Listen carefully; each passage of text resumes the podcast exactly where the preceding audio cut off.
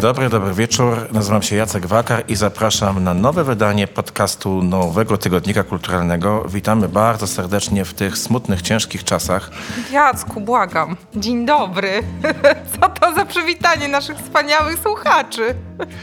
Czasy nie są lekkie. Kiedy my to nagrywamy, to jeszcze można się poruszać po y, ulicach. Jak się y, Państwo będą tego słuchać, to już pewnie nie będzie można. Ale myślimy sobie, że właśnie kultura, właśnie te nasze propozycje, właśnie płyty, książki, filmy, to dobry czas, więc gdybyś Olu dała dokończyć moje urocze wprowadzenie, to byś się tego dowiedziała.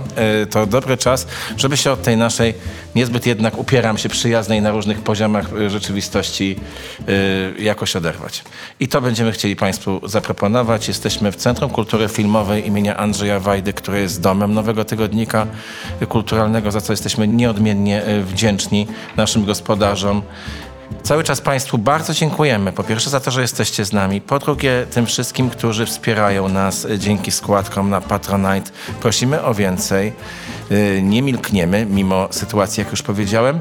Y, No i przechodzimy już do tego, co dziś dla Państwa przygotowaliśmy. A przygotowaliśmy z Olą Salwą, która już zaznaczyła swoją obecność w Tak, dzień programie, dobry. kłócąc Ja się z tylko chciałam prowadzącym. powiedzieć, że czasy jakie są, takie są, natomiast najważniejszy jest świat wewnętrzny i ta radość, która nas wszystkich promienieje, szczególnie jak słyszycie Z Jacka. Państwo ze mnie. Nie, Jacek, ja nie jestem na diecie, chciałabym za zaznaczyć, więc ja nie mam powodów do bycia ponurą. Dobrze. Y, Ola Salwa, krytyczka filmowa, Karolina Felberg, krytyczka literacka, Dzień dobry. Magda Sendecka, krytyczka filmowa.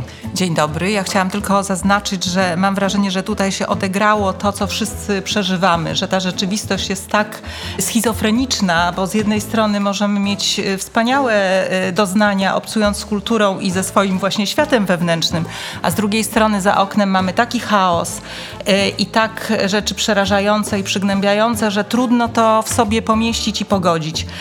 I mam wrażenie, to co ty Jacku powiedziałeś, że kultura jest e, ostatnią deską ratunku. E, Dlatego namawiamy Państwa do słuchania nas i do słuchania artystów. To bardzo ważne słowa, a są z nami jeszcze przede wszystkim y, dzięki y, różnym zdobyczom techniki. Szymon Kloska, witaj. Dzień dobry, dzień dobry. Poza kulturą chciałem jeszcze zwrócić uwagę na krokusy. W moim ogrodzie kwitną już od dwóch tygodni i to też jest jakiś taki miły akcent w tym ponurym świecie. No właśnie, trochę cieplej, wiosna przychodzi. Może wywieje wszystko to, co niedobre z naszego życia. Adam Suprynowicz, krytyk muzyczny. Dzień dobry. Witam zatem Was wszystkich y, w Warszawie, w Krakowie, y, tu na miejscu w centrum imienia Wajdy, u siebie. Nowy tygodnik kulturalny.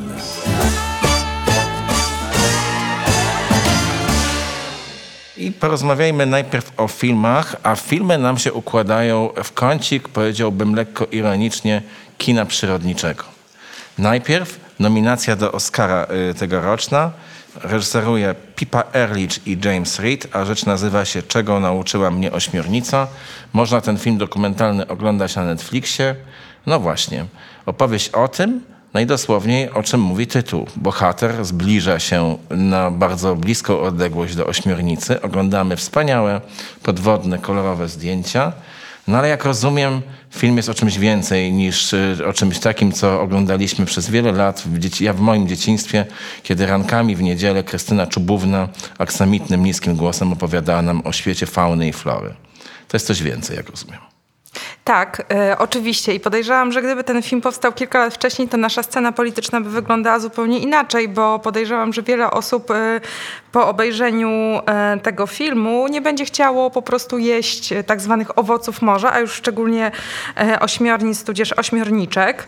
E, zresztą Craig Forster, który jest głównym bohaterem filmu, jest od wielu lat badaczem morza i chciałam powiedzieć, zanim omówię film, że odkrył osiem nowych gatunków krewetek podczas swoich, e, swoich podwodnych badań. E, Rzeczywiście jest to film o czymś więcej niż em, tylko takim zejściu e, pod wodę i dokumentacji tego niesamowitego świata. Znajdujemy się na e, południowych e, krańcach Ziemi, to jest Republika Południowej Afryki i tam e, Craig, filmowiec, badacz, badacz mórz, badacz zwyczajów, przechodzi kryzys wieku średniego. I zamiast kupić sobie Ferrari, co ja jako osoba mająca zielone serce bardzo, e, bardzo popieram, postanawia nauczyć się nurkować bez, bez całego osprzętu i w takiej bardzo, bardzo zimnej wodzie, bo no, specjalnie podkreśla na początku filmu, że ta woda ma 8-10 stopni, e, zanurzać się codziennie. Podczas tych swoich wypraw podwodnych poznaje faunę Przez i florę, ale- ale przede wszystkim przygląda się pewnej specjalnej ośmiornicy, z którą jak się okazuje nawiązuje kontakt. O tym, że ośmiornice są bardzo inteligentnymi stworzeniami, mięczakami, wiadomo było od dłuższego e, czasu, natomiast mm, z jego relacji, z jego kontaktu z tą ośmiornicą dowiadujemy się, na czym tak naprawdę ta inteligencja polega, na pewnym przystosowaniu się, na wykorzystaniu życia. Y, Tam obserwujemy walkę tej ośmiornicy o pokarm, ucieczkę przed mini rekinkami i mm, to jest jakby jedna, jedna część narracji. Natomiast druga to jest punkt widzenia tego ludzkiego bohatera, który próbuje opowiedzieć właśnie przez ludzkie kategorie życie ośmiornicy. On z jednej strony chce poznać jej świat, ale z drugiej strony widzimy, jak dokonuje takiej, powiedziałabym, bez, bezkrwawej kolonizacji świata tej ośmiornicy. Czyli mówi, że żyje krótko, ale intensywnie, że ma bardzo dużą inteligencję e, i rzeczywiście no, to jest takie znamienne, że tutaj stosuje takie ludzkie kategorie. Jest to bardzo ciekawa opowieść właśnie o tym, jak on przechodzi taką swoją ścieżkę rozwoju wewnętrznego, o tym, jak y, wycisza się i Magda, jestem bardzo ciekawa twojego zdania jako krytyczki filmowej, ale także terapeutki. Jak to jest, niesamowite, że ten em, bohater właśnie patrząc na świat ośmiornicy wyciąga właśnie wnioski i em, no to państwo zobaczą, w jaki sposób e, przenosi to do własnego, własnego życia. Ja chciałabym e, powiedzieć, że to jest po prostu świetna przygoda, bo rzeczywiście można e, poczuć przez to, że ten główny bohater em, nurkuje praktycznie bez sprzętu i na takie długie, że tak powiem, odcinki i e, wsz- wszystko jest ułożone tak jak w zasadzie w filmie fabularnym, że jest e, rozwinięcie, e, kulminacja napięcia em, i, i te wszystkie inne elementy nieodzowne opowiadaniu filmowemu, że to jest jednocześnie ciekawe, że to nie jest tylko takie, właśnie mówię to z całą miłością do pani Krystyny Czubówny, że to nie jest tylko takie przyglądanie się zwierzęciu, że to jest jednak cała taka akcja e, dramatyczna. I co bym jeszcze chciała dodać, to to, że pierwszy raz film był pokazany w Polsce na festiwalu Millennium Dogs Against Gravity e, i dostał tam e, nagrodę. Jakże zasłużoną. Jakże Bo zasłużoną. myślę sobie, że wszystko, Olu, o czym mówisz, jest, to jest prawda. Natomiast y, dla mnie ten film jest czymś więcej niż, ym, niż tylko filmem przyrodniczym, bo jest takim głosem w sprawie postrzegania świata i w sprawie antropocentryzmu. I z jednej strony rzeczywiście możemy to czytać jako taką antropomorfizację tego wspaniałego zwierzęcia, ale z drugiej strony właśnie mm, nie do końca. E, Właśnie bohater e, i autorzy filmu namawiają nas do zmiany perspektywy, do tego, żebyśmy zobaczyli zwierzęta jako osoby nieludzkie. E, Nie wiem, czy wiecie, że zdaje się Indie uznały niektóre zwierzęta za istoty będące osobami, chociaż nie ludźmi. To wspaniałe. I to jest wspaniałe, ponieważ ten film jest o budowaniu więzi. I to wszystko, co my wiemy od już dłuższego czasu na temat więzi jako warunku przetrwania, y, to w tym filmie jest pokazane na przykładach. I y, to, jak y, buduje więź bohater z ośmiornicą, może przywoływać, nie wiem, skojarzenia z Małym Księciem choćby. Ale z drugiej strony to jest o tym, jak bardzo wszystkie elementy Ziemi, wszystkie istoty żyjące są ze sobą powiązane. I w sytuacji, kiedy my o tym a w każdym razie część z nas e, zapomina i no, jako ludzie doprowadziliśmy Ziemię do stanu katastrofy, nie bójmy się tego powiedzieć. E, To jest ważny głos, który nie jest głosem publicystycznym, tylko właśnie takim od drugiej strony pokazującym, że można inaczej i że trzeba inaczej i że to jest konieczność, jeśli chcemy przetrwać, chociaż nie ma tam na ten temat ani słowa. Panowie, Ja miałem takie poczucie, że ten film dał mi całą masę fenomenalnych zdjęć. Widziałem ośmiornicę, która chodzi na dwóch nogach, pokazuje rogi, poluje, chowa się e, przed rekinami i jeszcze buduje więź z człowiekiem, bo ten moment, jak podaje swoją mackę po raz pierwszy i później po raz kolejny, wypływają razem na górę, to wszystko wspaniałe zdjęcia i cudowne opowieści. Natomiast jak główny bohater ustawia so, w swoim domu nadmorskim, ustawia sobie światło, ustawia jakieś tam blendy, pewnie ma ekipę filmową i próbuje wycisnąć łezkę z oka pewnie e, po raz kolejny, przy kolejnym dublu opowiadając o śmierci swojej ukochanej ośmiornicy, no to to rzeczywiście graniczyło na autoparodii i trudno mi to było potraktować poważnie. E, I filmowo ta, e, ta część przede wszystkim jego, jego opowieści z domu była dla mnie jakimś totalnym rozczarowaniem. Myślę sobie, że mądry esej poradziłby sobie z tym lepiej niż właśnie takie siermiężne jednak kino. Adam? Oczywiście zgadzam się absolutnie z tym, że, że te zdjęcia są fascynujące i odkrywcze i śledzę często filmy przyrodnicze, zwłaszcza dziejące się pod wodą i, i, i, i wielu y, rzeczy nie wiedziałem ani nie widziałem. Natomiast gdyby zamienić y, ośmiornicę na sarenkę i podłożyć zamiast morza las, to cała płycizna tego komentarza, który jest y, do tego dołączony, by się przed nami obnażyła. Tam są takie fragmenty, takie złote myśli typu, że na przykład, żeby obserwować przyrodę, trzeba wracać wiele razy w jedno i to samo miejsce. Zgadzam się, no to są takie mądrości wygłaszane jak objawienia, a y, takie kwestie typu nie mogłem uwierzyć własnym oczom, to już urastają do rangi przemyśleń. Ten film jest straszliwie napompowany takimi emocjami, które wydają mi się dość puste, znaczy ja ich nie odbieram y, bohaterowi czy twórcy tego filmu, natomiast on to Dobrze. się nie przeniosło Musimy zupełnie. y, ten wątek akurat Ja tylko y, chciałam powoli jedno kończyć. zdanie dodać, że do, wszyscy wrzuciliście e, kamyczki do mojego ogródka, tudzież krokusiki, bo ja właśnie powiedziałam, że do, dokładnie to, że mm, ośmiornica jest tylko pretekstem i jest podporządkowana narracji e, głównego bohatera. Mnie najbliżej do e, ostatniej wypowiedzi Adama, e, bo powiem tak, że w, z tego duetu ośmiornica bohater, ośmiornica wydaje mi się e, per, e, dramatis persona znacznie ciekawszą od e, bohatera i mógłbym e, dłużej znacznie na nią patrzeć w tych pięknych zdjęciach. Całość jednak napompowana pretensjonalnością, co nie zmienia wspaniałości zdjęć. Może trochę krócej postaramy się e, obejść z filmem pod tytułem e, Tony Halik. Tam się wspomina o tym, że był kiedyś taki program, my to pamiętamy, nazywało się to Pieprz i Wanilia. E, Autorzy, czyli Tony Halik i Elżbieta Dzikowska chwalą się, że oglądało to i to prawda zdaje się, po 18 milionów Polaków e, co tydzień, jakoś tam w weekend, nie pamiętam czy to było w sobotę czy w niedzielę rano e, w telewizji. No ja nie oglądałem za często, bo jak zawsze wolałem, e, że tak powiem, kino akcji e, niż kino o zwierzętach.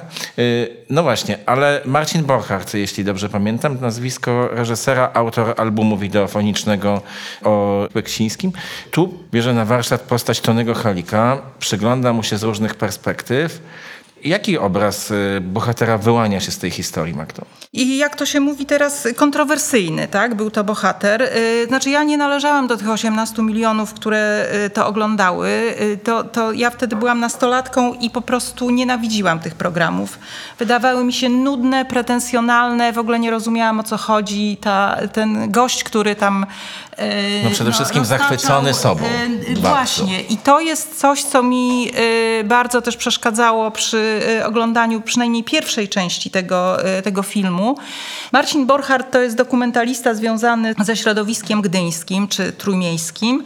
Beksińscy album wideofoniczny to jest taki found footage zrobiony z archiwum Beksińskiego i to jest film, który dostał mnóstwo nagród, między innymi nominacje do Orłów. Halik jest zbudowany na tej samej zasadzie, to znaczy on bierze materiały archiwalne, y, jakieś y, home movies y, Halika, zapisy jego z telewizji amerykańskich, bo on przecież pracował najpierw przez długi czas za granicą, a potem też z jego programów już robionych w Polsce i z jakichś kronik wyciąga smaczki przeróżne i robi z tego portret człowieka, który no, był właśnie taką postacią kompletnie nie mm. Z jednej strony miał jakąś niezwykłą i y, bardzo ponurą y, kartę, y, którą być może przez całe życie próbował zagłuszyć. Nie powiem o co chodzi, bo to się wyjaśnia w ostatnich słowach filmu i w ostatnich sekwencjach. Natomiast ja to oglądałam trochę z takim e, poczuciem, że ja nie wiem, czy ja to chcę oglądać. No ale bo- przede wszystkim wydaje mi się, że to, co najciekawsze w tym filmie, chociaż wydaje mi się, że tu bohater jednak, mimo tego, o czym mówisz, dał mniej materiału e, na fascynującą opowieść niż e, opowieść o Beksińskich. Że tutaj po prostu wejście w tę samą konwencję niejako przypadku całej, powiedzmy sobie, alternatywnej czy osobistej historii Beksińskich zaowocowało rzeczą fascynującą. Tutaj tego materiału jest e, jakby, e, jest on mniej inspirujący dla samego autora, ale to, co dla mnie było ciekawe, to jest życie pomiędzy mitomanią, pomiędzy e, stworzonym przez siebie obrazem siebie samego i świata, którego otacza, rzeczonego Tanego Halika, no a tym, że w międzyczasie z różnych kadrów pomiędzy tych obrazów wyziera prawdziwa rzeczywistość. I trudno to w ogóle pogodzić. Znaczy, wydaje mi się, że obcujemy przynajmniej z dwoma tonnymi Halikami w tym filmie, no i nie, niekoniecznie się w ogóle spotykają. Tak, i myślę, że najciekawszy ten film jest wtedy, kiedy właśnie jest najmniej napisany, najmniej zagrany, naj... kiedy Tony Halik e, chcąc, nie chcąc pokazuje swoją prawdziwą twarz, kiedy właśnie nie manipuluje obrazem. E, Chciałabym tylko krótko dodać, że o ile słabością e, filmu o Ośmiornicy była właśnie taka bardzo, bardzo banalna narracja, taka układająca wszystko w konwencję, tutaj wydaje mi się, że uporządkowanie materiału wyszło To mu na ja, dobre. ja chciałem jeszcze Szymonie. dodać dwie rzeczy. Na początku tego e, filmu miałem takie poczucie, czy reżyser mi opowie coś, czego się nie mogłem dowiedzieć po prostu z lektury krótkiej notki na e, Wikipedii. Natomiast brnąc w ten film i oglądając go dłużej, e, e, moje zdumienie e, rosło, bo mamy z jednej strony do czynienia z postacią, która jest totalnym karierowiczem, nie widzi niczego poza czubkiem swojego własnego e, nosa, a z drugiej strony pojawia się tam Ewita, pojawia się 68, pojawia się Stocznia, pojawiają się najwa- najważniejsze wydarzenia i najważniejsze persony e, XX wieku, o które ta przedziwna postać się ociera. Ja w przeciwieństwie do was e, trochę się wychowałem na Haliku, bo byłem mm, mm, e, małym chłopcem, jak to e, rzutem na taśmę oglądałem, bo niewiele innego w telewizji było. Natomiast rzeczywiście moje zdumienie e, e, rosło, że ten facet był tam, gdzie był e, e, i osiągnął to, co osiągnął w jak najgorszym stylu e, e, e, przy tym. Więc rzeczywiście film zrobił wrażenie, plus zabieg reżyserski usunięcia gadających głów. To znaczy e, on pozwolił rzeczywiście e, na to, żeby te archiwalia kręcone, rozumiem, że głównie przez Halika, ale chyba nie tylko, e, opowiedziały tą historię i jeżeli jest tu jakiś komentarz, czy to syna, czy przyjaciół, to jest on z OFU. Karolina teraz kończy temat krótko bardzo. Zupełnie inaczej ten film odbierałam niż wy. Oczywiście y, narcystyczny, megalomański bohater, zwłaszcza z drugiej y, części, to jest jedna rzecz. Ten świat, który go otacza, już mnie kompletnie nie interesował. Y, dokładanie kolejnych y, Fidelów Castro, z którymi się spotkał, już mnie zupełnie nie wciągało. Natomiast y, szokujące dla mnie było to, że ten film ma też część pierwszą, czyli te filmy prywatne y, nagrywane przez Halika y, w trakcie jego podróży które były autentyczne. On naprawdę był w tych miejscach i on naprawdę polował na dzikie zwierzęta, on naprawdę wychowywał dziecko w ekstremalnych warunkach. I, i ten pomysł, że z człowieka, który naprawdę tak żył, wypoczwarza się, wynaturza showman e, na taką skalę, e, to jest świetny pomysł, uważam. To jest bardzo dobrze zrobione, pod, żeby, e, to, to świetnie pokazuje w tym filmie e, te, te, te dwie zupełnie różne osoby w jednej osobie. I to jest właściwie film o tym, jak z autentyku człowiek staje się swoją własną karykaturą. No dobrze. Ale Słuchajcie. pytanie, czy on był autentyczny? Ja chciałam tylko jedno zdanie dorzucić, że ym, ja oglądałam te filmy w zbitce, oba. I dla mnie, y, dlatego też tak chwaliłam przed chwilą y, film o ośmiornicy, że to jest przykład dwóch skrajnie różnych postaw. Halik jest ślepy w gruncie rzeczy na świat, o którym opowiada, a bohater, y, zgadzam się z wszystkim, co powiedzieliście, tego drugiego filmu wchodzi w ten świat. I jeszcze tylko jedna rzecz, Ośmiornica to jest film dozwolony od lat siedmiu i myślę, że należy też o tym Dwa pamiętać. zdania po książce Mirosława Wlekłego Przygoda dzika y, Toniego Halika. Co to takiego na marginesie filmu? Książeczka Wlekłego jest książeczką dla dzieci. Myślę, że od lat siedmiu spokojnie można ją samodzielnie czytać o przygodzie w dżungli.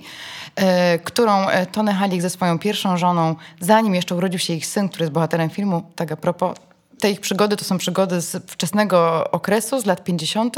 To jest ten moment, kiedy Tony Halik, y, mając do dyspozycji kamerę oraz y, bodajże y, jeden kajak, właściwie osiąga swoje życiowe cele. Znaczy, dociera do miejsc, do których dotąd jeszcze biały człowiek nie dotarł.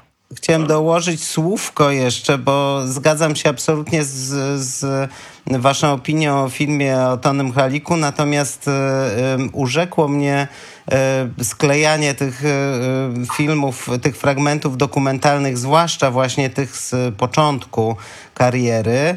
Mm, I chciałem też zwrócić uwagę, jak dobrze przy sklejaniu tego wszystkiego funkcjonuje muzyka Stefana Wesołowskiego. Myślę, że warto na nią zwrócić uwagę w tym filmie.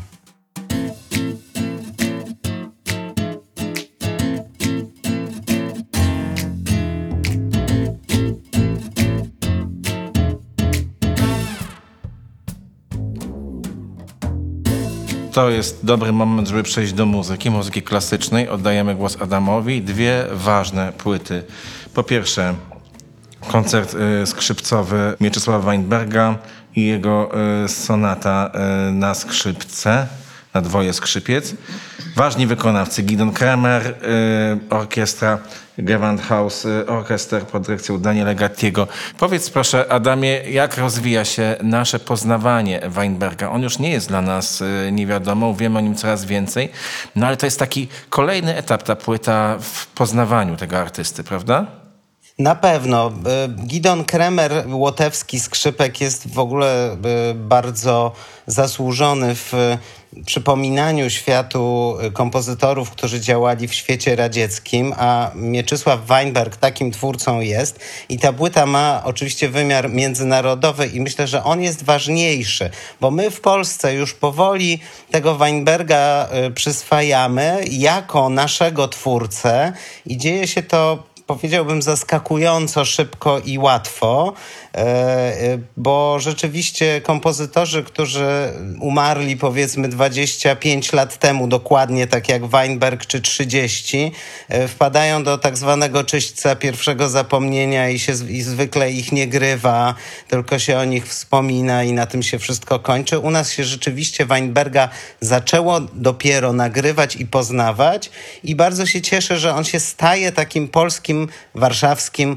kompozytorem i na to miano oczywiście zasługuje w pełni. Bardzo ciekawy kompozytor i e, kompozytor, który pokazuje tak zwaną trzecią drogę, bo y, gdzieś tam Szostakowiczowski bardzo w którymś momencie swojej twórczości, na przykład y, w koncercie skrzypcowym, który nagrał Gidon Kremer, y, później tworzący bardzo zawikłaną, trudną, gęstą muzykę, bardzo ponurą, nasyconą tym doznaniem, tym przeżyciem Holokaustu, wypędzeniem, ucieczką z Warszawy, śmiercią rodziny, rodziny, w, właściwie nie wiadomo gdzie, e, dokładnie gdzieś w Polsce w czasie wojny. E, rzeczywiście Gidon Kremer e, korzysta tutaj z 25. rocznicy urodzin, przepraszam, śmierci Weinberga żeby wypromować tę płytę, ale płyta jest rzeczywiście bardzo wartościowa. Koncert skrzypcowy bywa dość często grywany i e, nagrywany ostatnio. Gidon Kremer ma taki dość surowy sposób grania i e, lubuje się na przykład w takich wyciszeniach, uspokojeniach akcji, które nagle przerywają e, taką wręcz filmową, powiedziałbym, akcję, w którą jesteśmy wrzuceni w tym koncercie od samego początku. E, gdzieś różnicuje to bardzo i kontrastuje i, i, i wprowadza takie kontemplacyjne elementy.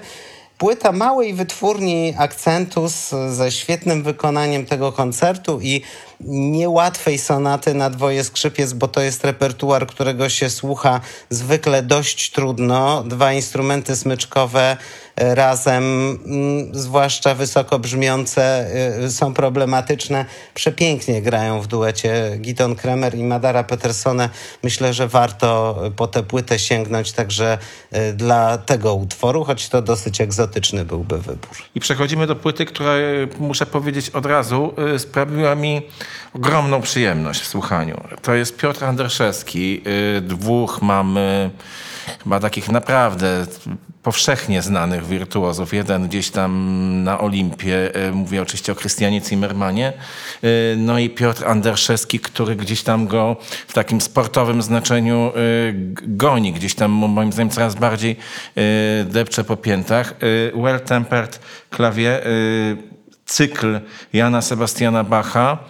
Ja słucham tego od jakiegoś czasu yy, i po prostu nie mogę się od tej muzyki uwolnić. Mówisz o yy, ostrym graniu yy, czy też Gidona Kremera. I miałem wrażenie, że Piotr Anderszewski, na ile moje niewprawne ucho może to wychwycić, z jednej strony jest mistrzem techniki, a z drugiej strony to granie jest jakieś takie, naj- to chyba Gombrowicz powiedział fundamentalne zdanie, najtrudniejsza jest w sztuce łatwość. Yy, Wydaje mi się, że yy, Piotr Anderszewski w tym nagraniu osiąga tego jakieś absolutne wyżyny, ale powiedz coś więcej już, że tak powiem, z prawnego punktu widzenia, a nie takiego lejka jak ja, Adam Ale Supranowicz. z tego, co mówisz, wynika rzecz ważna, to znaczy to, że y, Piotr Anderszewski ma wspaniale tę muzykę przyswojoną i przemyślaną. On ją gra jak swoją muzykę po prostu i to jest y, zazwyczaj najwyższy komplement.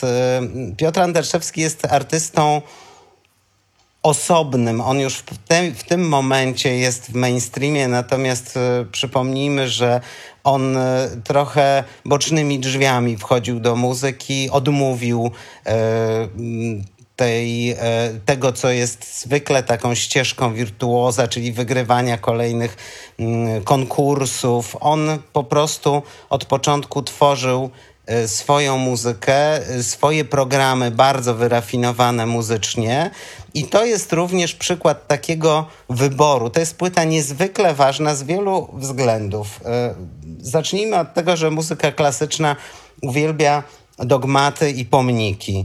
E, Muzyka, e, Bach napisał 48 preludiów i fug we wszystkich tonacjach, aby pokazać możliwości instrumentów e, mm, klawiszowych, które w jego czasach powstawały. To był czas odkrywania zupełnie czegoś nowego i Das Wohltemperierte Klavier jest właściwie takim traktatem na temat tego, e, co te instrumenty mogą e, pokazać, co można na nich e, wyrazić. Dogmat wykonawstwa mówił dotąd, że jeśli już nagrywać, to trzeba nagrać cały cykl. 48 preludiów i fug, tak jak je ułożył Bach po kolei. Ewentualnie wyjmowało się z niego pojedyncze pary i ta płyta jest y, wyjątkowa w historii fonografii. Anderszewski bowiem wybiera utwory tylko z drugiego tomu układa je po swojemu, w swojej kolejności, tak jak mu w duszy gra, myśli o nich nie jak o konstrukcji, jak o wielkiej katedrze,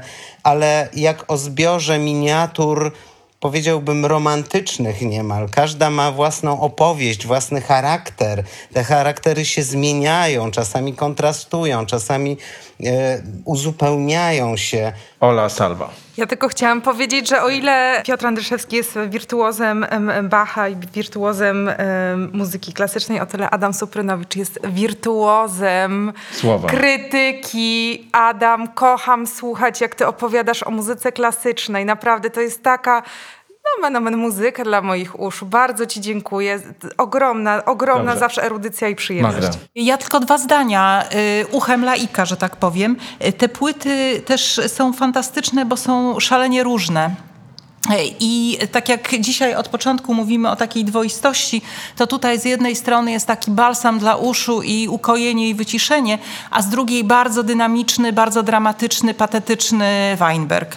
Więc ja obu y, słuchałam z ogromną przyjemnością. Pozwolę sobie zatem zakończyć ten wątek y, stwierdzeniem, że skoro mamy za chwilę zamknąć się w domach, y, to dobrze to zrobić w towarzystwie Weinberga, a dla mnie przede wszystkim Piotra Anderszewskiego. Ja niebawem po zakończeniu naszego nagrania pognam do sklepu, żeby już nie tylko, żeby mieć tę płytę po prostu także i móc y, powąchać jej okładkę, y, co zazwyczaj y, lubię po prostu robić.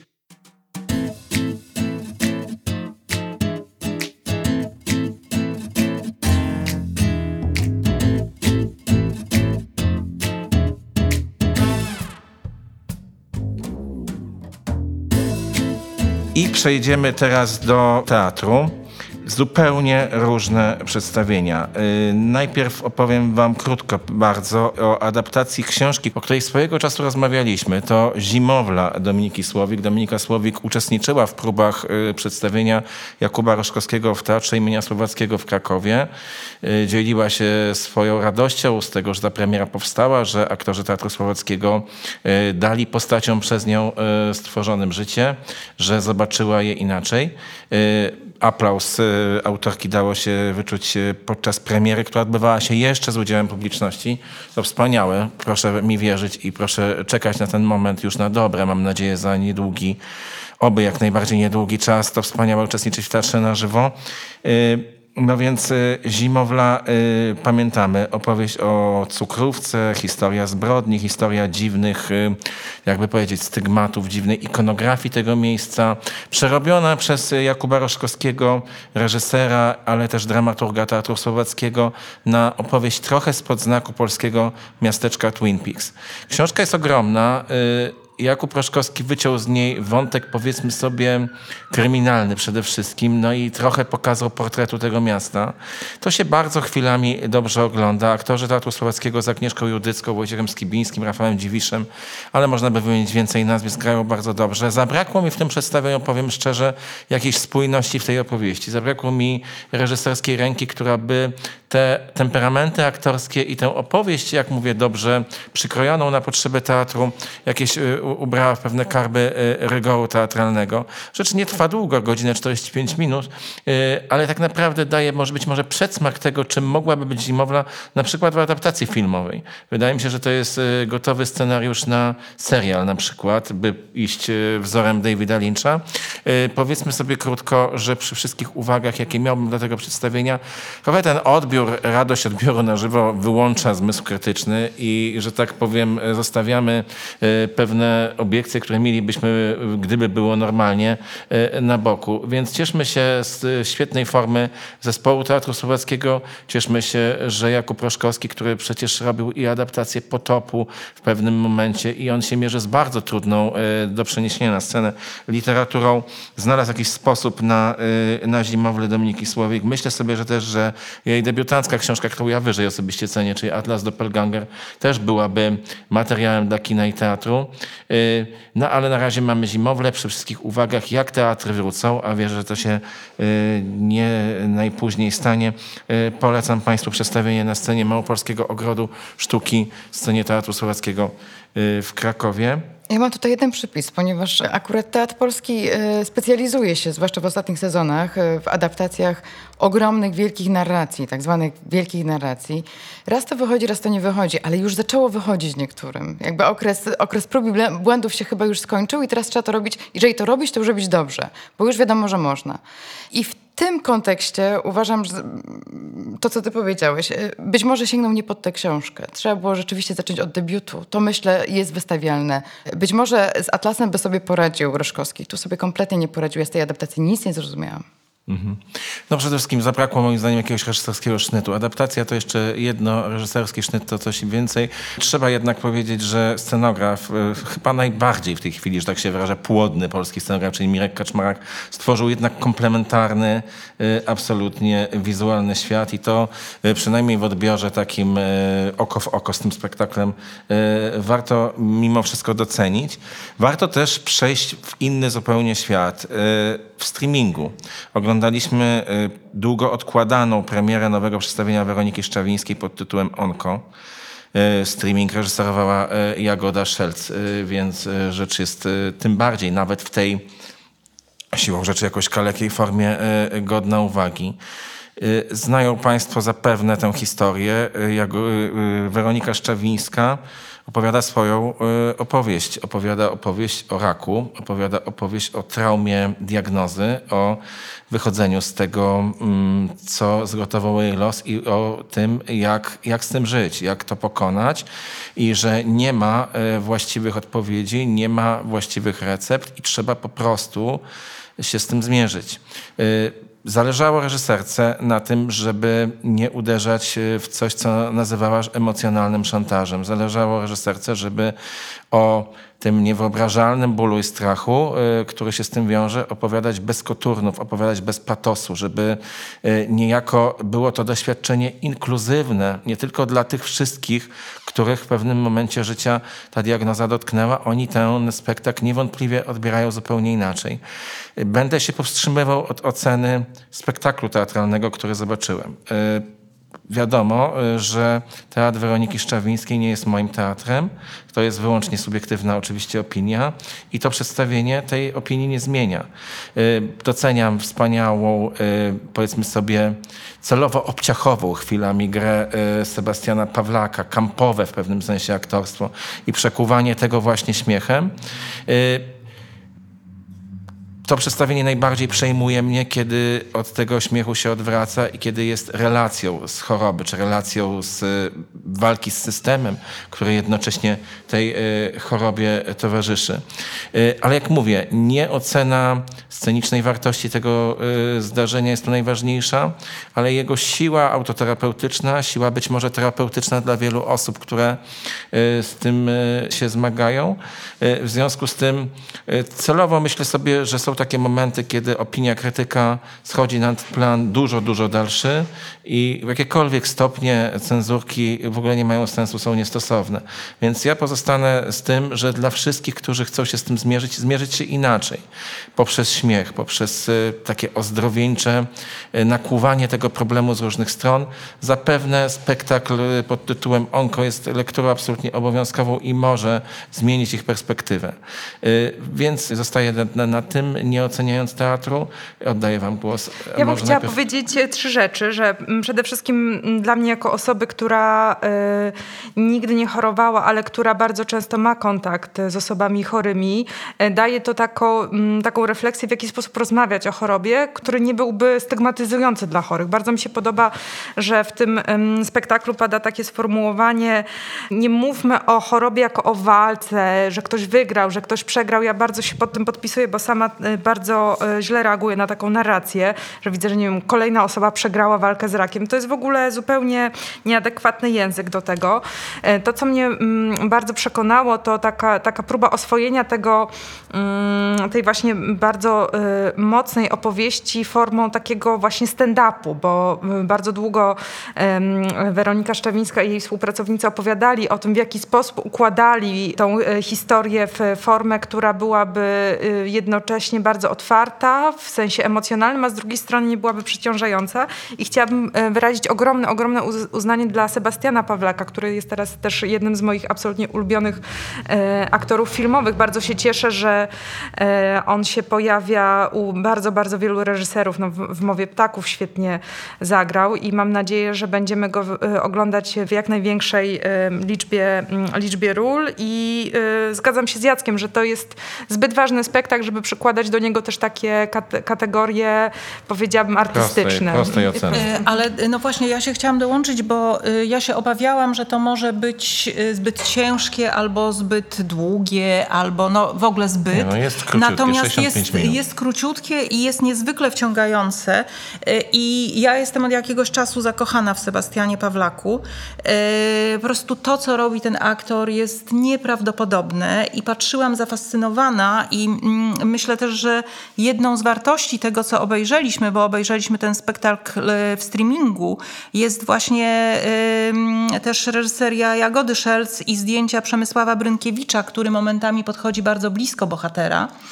Ale y, inna rzecz, na którą chciałabym zwrócić uwagę, co tu jeszcze nie padło, to genialna scenografia i kostiumy, a właściwie kostium. Sebastiana Pawlaka, które są e, odniesieniem do e, takich form teatralnych, które my znamy. Gdzieś e, mnie się kojarzył, nawet oni się powołują na, na Kantora, na Kriko 2, e, ale mnie się kojarzył gdzieś teatrzyk Bim Bom. E, I te wszystkie studenckie, ym, e, genialne przecież przedsięwzięcia gdzieś na styku teatru i kabaretu. E, Więc e, to jest takie przedstawienie, które ma różne, z jednej strony otwiera rozmowę na bardzo ważny temat, to, to się pojawia, ten dyskurs się pojawia współcześnie, ale dobrze, że teatr też w to wchodzi, a z drugiej właśnie bawi się formą i jest, e, no, przyjemnością pewnego rodzaju. Panowie, Adam? Ja y, chciałem być y, jeszcze dłużej w tym świecie. Przyznaję, że, że, że to naprawdę ogromna przyjemność y, oglądanie tego spektaklu. Przyjemność e, brzmi to może paradoksalnie, jeśli mm, przyrównamy to do tematu, natomiast rzeczywiście to jest podawane w taki sposób i e, ujęte w takie trafne porównanie sytuacji człowieka chorego, którego ciało i w pewnym sensie jego osobowość jest też wtłaczana od razu e, w jakieś role e, z postacią aktora, który opowiada o tym, jak jego ciało i jego psychę jest wykorzystywana e, e, oczywiście całkowicie e, zawodowo w tym przypadku e, do przedstawiania jakichś ról, do wchodzenia w jakieś role, to porównanie wy, wydaje mi się niezwykle trafne i niezwykle trafnym e, zabiegiem jest też dialog, e, dialogowanie e, Sebastiana Pawlaka z samą reżyserką, no bo to jest clue tego wszystkiego. Onko Weroniki Szczawińskiej. Mm, Czekamy na prezentację na żywo. Na razie TR Warszawa dał online'ową, streamingową premierę tego przedstawienia. Y, Dzięki y, internetowi, dzięki platformom VOD możemy oglądać przedstawienia y, naszego de facto patrona, ale można powiedzieć, że jest to patron zarówno Centrum Kultury Filmowej, jak i patron polskiego kina. Oczywiście mówię o Andrzeju Wajdzie. Obchodzimy w nowym tygodniku kulturalnym od kilku już naszych spotkań 95. rocznicę urodzin mistrza. I teraz jest okazja, żeby przypomnieć sobie jego wspaniałe realizacje teatralne. A można to uczynić dzięki platformom VOD, Ninateki oraz TVP. I tam odnaleźć można takie spektakle jak Hamlet 4, jak dwie wersje Macbeta z roku 69 i 2010 oraz legendarne przedstawienie y, Nocy Listopadowej. I to są rzeczy absolutnie, że użyję mojego ulubionego słowa, fundamentalne, bo to z jednej strony y, obrazuje y, rozwój artysty na różnych etapach życia, od y, tego pierwszego Macbeta po po y, jedno z najbardziej emblematycznych jego spektakli, czyli Noc listopadową z Janem Nowickim y, w roli głównej. Do mojego osobistego przeżycia, które miałem jako nastoletni chłopak, czy może dwudziestoletni chłopak, kiedy Hamlet IV z wielką rolą Teresy Bujszczanowskiej, która jak niegdyś Sara Bernard zagrała aktora wcielającego się w rolę Hamleta. Pamiętam doskonale pierwszą scenę w garderobie teatralnej, gdzie Genialne. Teresa Bujszczanowska nakłada na swoją twarz makijaż Hamleta i staje się tym Hamletem na naszych oczach. Y, Teatr Andrzeja Wajdy jest y, zjawiskiem fascynującym. Przy tej okazji można zobaczyć także historię polskiego teatru w pigułce, historię tego niezwykłego miejsca, czyli Starego Teatru w Krakowie, bo tam powstawały te przedstawienia, historię y, polskiego aktorstwa, bo zliczyć wielkie role, jakie są w tych spektaklach, no to musielibyśmy się spotkać tu z Państwem na wiele, wiele godzin. To jest wspaniałe, że nagrania tych przedstawień są z nami, że y, niektórzy, jak Magda, która zazdroszczę faktu, że mogła tę legendarną Noc Listopadową y, obejrzeć na żywo, jak ja, który miałem okazję zobaczyć y, czwartego Hamleta. Pamiętajmy jeszcze, że przecież jest Zbrodnia i Kara Andrzeja Wajdy z Jerzym Radziwowiczem i Jerzym Szturem, że inne jego przedstawienia też jakoś przetrwały. Możemy oczywiście wrócić przy tej okazji do nagrań spektakli Konrada Swinarskiego, czyli przede wszystkim Dziadów. Dziadów, no i Wyzwolenia, chociaż nie wiem, czy ono zostało w całości zarejestrowane. Y, Magda, pamię- opowiedz króciuteńko swoją historię związaną z taką No, y, z mo, moja historia jest taka, że przyszłam na teatrologię na UJ w 79 roku i te przedstawienia były tam grane. One tam chodziły po 10, po, po kilkanaście lat i zmieniały się też y, z czasem. Natomiast ja tego mogłam doświadczyć na scenie i to zarówno dziadów y, Swinarskiego, jak i Nocy Listopadowej czy Wyzwolenia czy, y, czy kolejnych przedstawień y, Andrzeja Wajdy. Hamleta czwartego oglądałam tylko w telewizji, bo już wtedy y, mieszkałam w Warszawie. I to jest dla mnie najlepszy Hamlet, jakiego widziałam w życiu. Teresa Budzisz-Krzyżanowska, a widziałam y, naprawdę, nie wiem, może 20 spektakli, łącznie ze spektaklem Petera Bruka, więc e, naprawdę jest co oglądać. Przy czym proszę pamiętać, że e, rejestracje telewizyjne to nigdy nie są rejestracje jeden do jeden. To nie jest nawet nasz streaming, tylko to jest osobna forma y, z przenikaniem, zwłaszcza w nocy listopadowej to jest bardzo widoczne z przenikaniem obrazów, z nakładaniem tych, tej Pallas Ateny, która w rzeczywistości chodziła chyba na szczudłach, o ile dobrze pamiętam. Boginie chodziły, więc one były, wyrastały y, z tej sceny. To było niesamowite wrażenie. Oczywiście w telewizji jest oddane to środkami telewizyjnymi. No i tutaj absolutnie mój wygryw widziałam Biesy, które były nieprawdopodobnym spektaklem, a które nie zostały zarejestrowane, ponieważ y, mówiła o tym Krystyna ostatnio Zachwatowicz. Krystyna Zachwatowicz, że nie było pozwolenia na... Są, y- Dostojewski był niecenzuralny i nie było zgody na, na rejestrację jakąkolwiek tego spektaklu, natomiast na żywo można go było zobaczyć. Ola. Chciałam tylko dodać dwie informacje dla Państwa, którzy chcieliby się głębiej jeszcze e, w świat Andrzeja Wajdy, niczym w świat ośmiornicy, że tak powiem, zanurzyć. E, Bardzo polecam książkę Bartosza Michalaka Kronika Wypadków. Tam o wszystkich filmach Andrzeja Wajdy i o części spektakli opowiadają jego współpracownicy. To jest niesamowita podróż przez kilkadziesiąt lat twórczości filmowej, ale też teatralnej e, Andrzeja Wajdy, a na Ninatece jest dostępny z kolei koncert Scoring for Wajda, czyli tam są wybrane wspaniałe utwory z filmów, ale także z, ze spektakli Andrzeja Książka Wajdy. nazywa się dokładnie Kronika wypadków filmowych. Kiedyś też była książka Macieja Karpińskiego pod tytułem e, Teatr Andrzeja Wajdy. Na szczęście e, ten teatr jest jakoś zapisany, acz nie ukrywam, że przechodząc teraz koło Starego Teatru i myśląc sobie, że kiedyś to była taka konstelacja w tamtych czasach, gdzie z jednej strony Jerzy Jarocki, z drugiej strony Jerzy Grzegorzewski, z trzeciej strony Andrzej Wajda, z czwartej strony Krystian Lupa, e, a nieopodal, nie w Starym Teatrze, pracował na przykład taki artysta jak Tadeusz Kantor. Takich mieliśmy w Krakowie e, Tak było. e, artystów, taki mieliśmy teatr w tej nieprawdopodobnej, to jeszcze jeden drobiazg, w tej nieprawdopodobnej dla polskiego teatru dekadzie lat 70. E, No i potem to trochę się zaczęło zmieniać. Ale wracajmy do tego, ile można i dopóki można. Teatr Andrzeja Wajdy na VOD, Hamlet, dwa razy Macbeth, Noc listopadowa. Szukajcie Państwo więcej. E, To są rzeczy, które absolutnie się nie starzeją.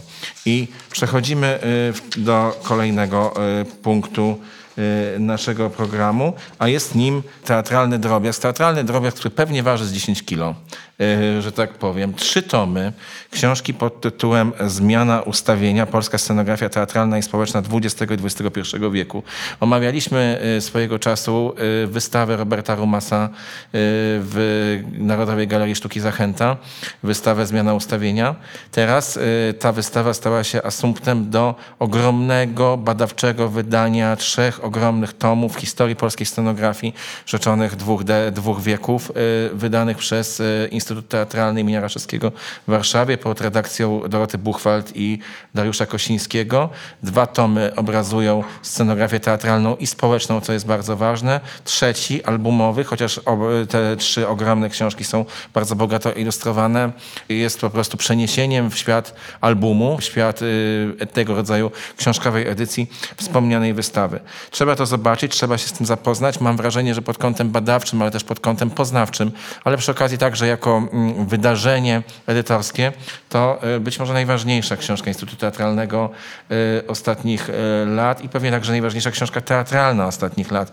Nie przyniosłem tego ze sobą, bo bym nie dotarł dzisiaj na program, bo to naprawdę jest, jest ciężka Wózeczek. sprawa. Na wózeczku trzeba by. Zrobisz zdjęcie i ale- wrzucisz na nasz profil na E, Facebooku? Tak, postaram się. Powiem bardzo krótko. Wszystkich, którzy, dla których teatr e, polski jest ważny, powinni z tą olbrzymią, e, w każdym tego słowa znaczeniu publikacją się zapoznać. Zmiana ustawienia, polska scenografia teatralna i społeczna XX i XXI wieku.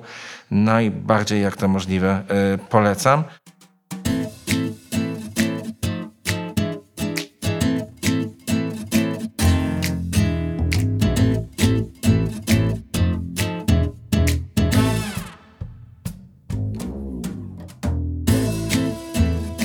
To dobry moment, żebyśmy od książki, y, która, jak powiedzieliśmy, jest do tego, żeby ją wieść na wózeczku, y, przejść do książki, którą łatwo złapać w dłoń. To Teresa Boman, y, Utonęła. Niespełna 200 stron. I co na tych, w, te, w tej niewielkiej książeczce otrzymujemy? Rozpoczyna Szymon. Oj, dużo tu jest duchoty najróżniejszej. Teresa Boman to jest e, e, znana już na świecie i w Polsce e, młoda szwedzka autorka.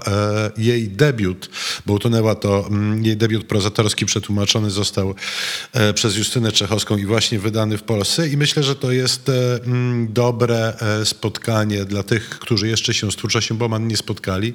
Można spokojnie od debiutu rozpocząć. Historia dwóch sióstr i jednego e, mężczyzny dzieje się na początku w takim dość dusznym, letnim czasie w małym miasteczku, podobnym do tego, w którym sama Boman zresztą dorastała. Dość skomplikowane są losy relacji starszej siostry i e, jej partnera, starszego e, mężczyzny, a samej siostry, która się mm, pojawia, no i się dzieje. E, Druga połowa książki to jest część już po śmierci jednej z sióstr. Co się wydarzyło, nie powiem, natomiast e, atmosfera jest już zupełnie inna. E, e, Kwiaty, które odgrywają tutaj niebagatelną rolę, tą listopadową, jesienną porą już są wszystkie martwe i zwiędłe i trochę nadają ton tej książce, którą można czytać jak thriller psychologiczny, natomiast widać już też to, co jest dla Bowman charakterystyczne, to, że ona pisanie traktuje bardzo poważnie. To nie jest literatura gatunkowa, to jest literatura w, w najgorszym znaczeniu tego słowa, to jest literatura mm, mm, świadoma siebie i świadoma e, e, formy, bardzo precyzyjnie i bardzo pieczołowicie skonstruowana, szczególnie e, jeżeli będziemy mieli z tyłu głowy, że mamy do czynienia z mm, debiutem literackim. Karolino. Tak, e, to jest e, e, trzecia nasze spotkanie z Buman. W 2019 roku omawialiśmy o zmierzchu, w 2020 e, tę drugą, a teraz mamy do czynienia z debiutem. To są książki do siebie bardzo podobne, chociaż każda oczywiście to nie jest trylogia, każda opowiada o innych bohaterach, to, to one, się, one się tylko jakby poetyką do siebie upodabniają, więc jakby Buman ma swój własny styl. Ja ten styl niezwykle cenię, ponieważ ona e, o bardzo, bardzo skomplikowanych i bardzo starych, starych jak świat e, relacjach, e, generalnie damsko-męskich i uwikłaniu w procesy, które e, dziś już z naszej perspektywy są niczym więcej jak po prostu manipulacją i przemocą oraz, oraz tą silniejszą, mocniejszą kulturowo pozycją mężczyzn, która nawet w takim społeczeństwie jak Szwecja okazuje się, ciągle jest jeszcze problemem. I ona mówi o tym w taki sposób, że nie da się tego ignorować, ponieważ nie owija bawełnę. Pracujemy na schemacie tra- tragedii greckiej. Od początku wiemy, że dojdzie do sytuacji e, tragicznej i, i, i, i z pełną świadomością tego, w co wchodzimy, od pierwszych scen, oglądamy rozgrywkę między trzema stronami, z których dwie ewidentnie grają przeciwko tej pierwszej, czyli mam na myśli tę najmłodszą siostrę, która wchodzi do domu i witana jest przez swoją starszą siostrę, jej partnera, który uchodzi za geniusza, witana jest słowami dotyczącymi tego, czy napisała pracę, a jeżeli nie napisała, to dlaczego nie napisała i czy mogłaby ją teraz tutaj napisać, chodzi o pracę studencką. Czyli od razu, od razu mamy ustanowionego kogoś w pozycji e, dziecka, którym, którym trzeba nawigować, zawiadować, bo, bo się zgubi w rzeczywistości, to, przy czym to są trzy dorosłe osoby i już widzimy ten schemat te, tej całej przemocy symbolicznej, kulturowej, która wydaje się niewinna. To jest pytanie o to, czy ci poszła praca, czy już zdałaś egzamin, ale, ale my już wiemy, w którym miejscu jesteśmy. Jesteśmy w miejscu, w którym e, niewinnie z tego miejsca wychodząc dochodzimy do skomplikowanych relacji i, i wielkich tragedii, ponieważ to jest właśnie o tym, e, o tym, jak nieprzekraczalne są nasze sposoby funkcjonowania, mówienia, myślenia, zachowywania się względem siebie. Od początku mamy, mamy do czynienia z, z dwoma siostrami, między którymi relacja właściwie polega na jakimś bezustannym rywalizowaniu i jakimś bezustannym e, przeglądaniu się w sobie e, i jakby negocjowaniu swojej własnej istotności albo braku tejże istotności. I w tym wszystkim mężczyzna, który ma zupełnie specjalną e, pozycję, który może z tych kobiet uczynić właściwie swoją własność, oznakować je oznakować. To jest dosłownie e, przeprowadzony proces. I to wszystko się dzieje właściwie w kulturalnym, e, mieszczańskim, bogatym e, domu. E, polecam bardzo, bo nie chciałabym spoilerować, ale wydaje mi się, że jest o czym mówić. Jest zdecydowanie o czym mówić. Dla mnie to jest niezwykle subtelna i to, w jaki sposób to wszystko, o czym mówicie, jest przeprowadzone, jest naprawdę zachwycające, ponieważ to jest niezwykle subtelna analiza funkcjonowania patriarchatu, przeprowadzona na, takim, na takiej analizie wchodzenia y, w toksyczny związek przemocowy, właściwie uzależnienie I tak jak o tym mówię, to y, można by sądzić, że to jakaś publicystyka. Tymczasem to jest absolutnie jak najdalej od tego. Jesteśmy zanurzeni w bardzo zmysłowy świat. Y, w świat w pierwszej części y, upalnego, gorącego lata.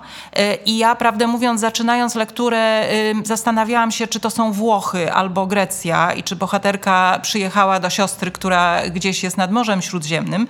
Okazało się, że nie, że to jest jednak Szwecja. A w drugiej części ta przyroda zmienia się diametralnie i mm, y, mówię o tym dlatego, że tam są przeróżne warstwy symboliczne, które odnoszą się do relacji między bohaterami i na różnych planach to jest pokazane, a jest to y, naprawdę bardzo cienko, bardzo subtelnie przeprowadzone. Y, I y, no, fantastycznie się to czyta. Nie można się od tego, przynajmniej ja się nie mogłam oderwać, bo autorka też są wspaniałe sceny seksu. My możemy naprawdę y, zrozumieć tę te, te bohaterkę, która uwikłana jest w ten trójkąt, y, z którego potem się robi znowu y, y, diada.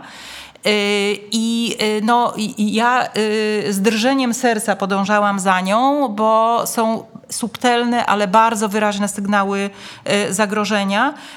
I jak w thrillerze widzimy bohatera, który, któremu grozi niebezpieczeństwo, a on jednak idzie w tę toń, idzie w tę wodę. E, Więc to, ten tytuł Utonęła też jest wieloznaczny i to kolejna rzecz, która e, zachwyca w tej powieści. Polecamy zatem tę niewielką książkę Teresa Bullman Utonęła y, jako lekturę nie tylko na czas tej przymusowej izolacji, która nas za chwilę czeka.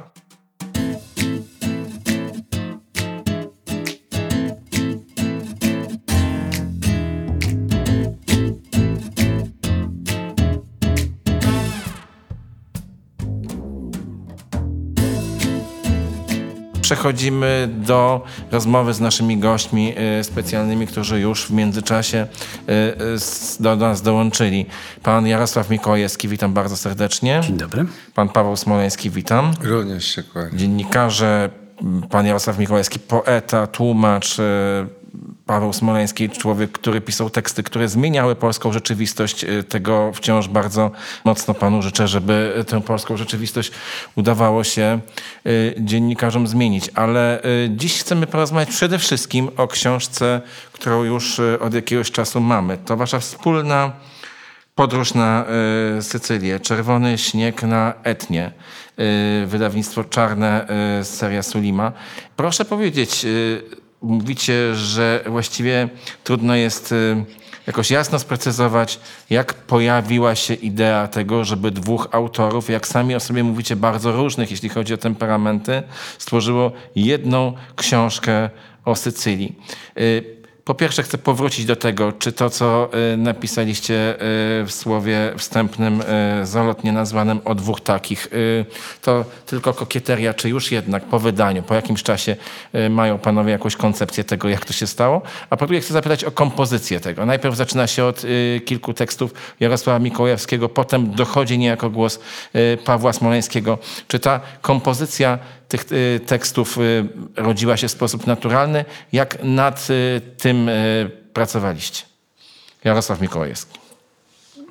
Żeby powiedzieć prawdę, to myśmy się znaleźli w kiepskiej sytuacji życiowej po prostu obaj. Byliśmy takimi rozbitkami. Ja zostałem zwolniony z gazety, mm, a Paweł miał zredukowany etat. I byliśmy takimi ludźmi bez pieniędzy, e, przy jakimś tam jednak dorobku pisarskim.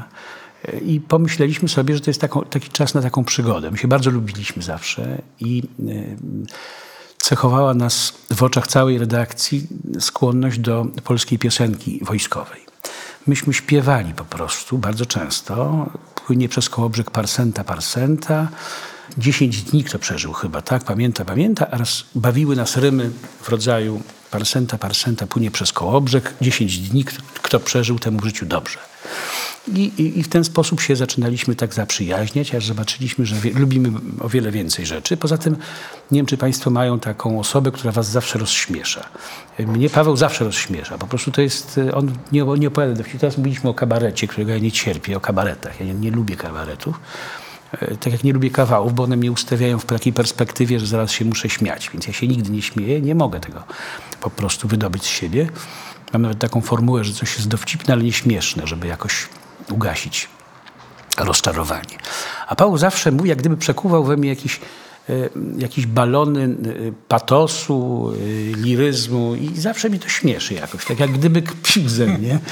Chociaż ma naturę bardzo dobrą. On uważa, że jest złym człowiekiem. Ja uważam, że jest bardzo dobrym człowiekiem po prostu i za każdym razem widzę, że na końcu naszych rozmów pojawia się już nie używam słowa czułość od pewnego czasu, ale w każdym razie wielkie ciepło dla rzeczywistości, którą razem przeżywamy. I taki był pomysł, żeby coś przeżyć razem. I y, przyszła nam do głowy Sycylia. Myśmy mieli napisać. Pierwsza myśl była taka, żeby opisać Sycylię jako miejsce, gdzie spotykają się ci z Włoch i ci z z Włoch Południowych, gdzie moim zdaniem jest bardzo silny, a zapomniany u nas całkowicie klimat, aura, głęboko zakorzeniona cywilizacja humanizmu śródziemnomorskiego, a Afryką czy Azją, w których specjalizuje się Paweł. I chcieliśmy opisać to miejsce spotkań, ten moment, kiedy spotykają się ludzie z północy i ludzie z południa. Ale w związku z tym, że postanowiliśmy napisać książkę metodą poetycką, czyli nie mieć żadnych założeń, to pisaliśmy ją, dochodziliśmy do pewnego punktu, który sobie założyliśmy, ale w tym miejscu nam się wszystko kończyły, nam się wszelkie założenia i skręcaliśmy w prawo zamiast w lewo, bo nas coś uwiodło, bo nas coś poprowadziło, bo nasz przyjaciel Biagio jechał na przykład coś załatwić w miejscowości Ganji, więc pojechaliśmy razem z nim. I to jest taki element, jak to człowiek zasiada w wierszu do pisania o Bogu, a wychodzi mu, że pisze o, o wioślarzach na przykład. No więc to jest taki element. Kompozycja y, to było tak, że byśmy chyba chcieli najpierw coś opowiedzieć o Sycylii tradycyjnej, powiedzmy, czy o tej Sycylii, która jakoś tłumaczy się ze swojej przeszłości. I w pewnym momencie dochodzi do głosu głównie Paweł w tej drugiej części, który patrzy świeżymi oczami na to, co jest jakoś tam skodyfikowane, jest jakoś opisane. No, starałem się tej pierwszej części nie podawać nie, nie świeżo, ale po prostu ona się opiera na takich na, Na hasłach, pamięci, hasłowo prawda? przynajmniej, na takich Pan pojęciach. mówi o, nasta- o najstarszej pamięci, y, jaka y, jest, czyli Andrea Camilleri. Y, dla nas przede wszystkim autorze książek o Montalbano, dla pana kimś znacznie ważniejszym, bo to jedno z doświadczeń życiowych z nim spotkanie. Panie Pawle, a dla pana to doświadczenie reportera było w poznawaniu Sycylii najważniejsze? Spojrzenie okiem reportera właśnie na ten świat? Nie, najważniejszy to był Jarek zdecydowanie, dlatego że każdemu życzę, oprócz wrogów swoich, że mie- mieli takiego przewodnika jak, jak Jarek po Włoszech, po Sycylii. Wie pan, ja nic innego nie potrafię. Y, Więc no, siłą rzeczy, jak musiałem się tej Sycylii, którą widziałem po raz pierwszy w życiu, przyglądać tak, jak się przyglądałem miejscom, które też kiedyś tam widziałem po raz pierwszy w życiu. Tak? I, i, I albo, albo to było dla mnie zaskakujące, albo to było dla mnie uwodzące.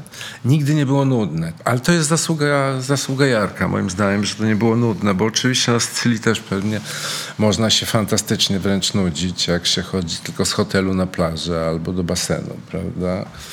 I, No w i- czasach all inclusive oczywiście. i tak, oczywiście tak. I, i, I rano się człowiek budzi z kacem, który generalnie rzecz biorąc jest wszędzie taki sam. W Warszawie czy na Sycylii wszystko jedno. Ergo można się zanurzyć w nudzie, ale, ale nie warto po prostu. Nie warto, bo to jest miejsce bardzo różnorodne, bardzo skrajne też, życzliwe moim zdaniem. Ja tak sobie myślę, że jak ktoś odwiedza Sycylię patrzy na, na tą sycylijską codzienność i wraca do naszego polskiego zaścianka, to ma szansę być lepszym Polakiem. Ale e, ta polskość w ogóle jest ciekawa, bo wy zasiedliliście Sycylię dużą ilością e, krajan. Pojawia się tam od Szymanowskiego przez Iwaszkiewicza po Szymborską z symboliczną obecnością Pawła Adamowicza. Ale e, nie, tylko, nie tylko te postaci. Ja momentami miałem takie poczucie, czytając o Sycylii, o której wiem niewiele i na której nigdy nie byłem, że czytam o trochę innej, cieplejszej Polsce. Inna Polska, no tak, no, no te postaci, które wymieniłeś, tak. Y, Adamowicz czy, czy Szymborska, to takie twarze tej takiej Polski, za którą się dzisiaj tęskni. No, takiej lepszej Polski. Yy, milszej, bardziej życzliwej. Yy, no więc w tym sensie ja powiedziałem, że jeżeli ktoś jedzie na Sycylię i stara się ją jakoś przejrzeć i wraca do Polski, to ma szansę być lepszym Polakiem. Nie musi oczywiście, ale, ale dostaje od losu taki, taki fant i może z tym zrobić co chce. A jeśli chodzi o Iwaszkiewicza czy Szymanowskiego, no to oni mieli sprawę swoją z Sycylią, tak? To znaczy mieli wie, wiele spraw bardzo i to też jest pobyt no, kompletnie nie byle jaki. To jest taki, mam, mam wrażenie, że konstytuujący ich. Jest tam też taka postać, która jest wymieniona i może jest y, za mało mm, zaakcentowana, ale o niej pisałem w drugiej książce, takiej niewielkiej, zatytułowanej Syrakuzańskie. Y, To jest postać bardzo ciekawa, y, którą, y, za którą zamierzam teraz chodzić trochę. To Kazimierz Zieleniewski, urodzony w Tomsku, który studiował sztukę e, między innymi u Fałata i to postać wielka, to znaczy to był człowiek, który pojechał do Francji, tam zrobił gigantyczną karierę, tam y, to Louvre kupił kilkadziesiąt jego obrazów, potem sprzedał w Prowansji też kilkadziesiąt obrazów, a potem y, ożenił się z mieszkanką wyspy Capri, mieli cz- cztery córki. I mm, w pewnym ach, on jeszcze zrobił ogromną karierę w Japonii. Został tam członkiem bardzo ważnego takiego stowarzyszenia artystycznego. I potem dostał udaru. I te jego ostatnie rysunki to jest jedna z najbardziej lirycznych i dramatycznych rzeczy, jaką w życiu widziałem. To jest, e, on rysuje tę swoją rodzinę, takie mm, żonę, córeczki na plaży syrakuzańskiej. On rysuje je, maluje je, to arcydzielne, to znaczy mam takie opinie też od specjalistów w dziedzinie sztuki, którzy mówią, że tam jest, że to jest bardzo nowatorskie malarstwo. On tak rysuje, jak gdyby je żegnał, to znaczy z taką, z takim, z taką kolorystyką, y, powiedzmy młodopolską, ale przerwaną dramatyczną linią, jak gdyby y, nawet już fizyczność mu nie pozwalała wykonywać takiego gładkiego i jednowymiarowego rysunku. On zmarł bodajże w 1932 roku. W Polsce jest w ogóle prawie nieznany, aczkolwiek ja y, znalazłem z dokument, który mówi o tym, że przed wojną zakupiono jego dwa obrazy do Muzeum Narodowego. I on jest w wielu kolekcjach. Spotkałem jego mm, wnuczkę, która.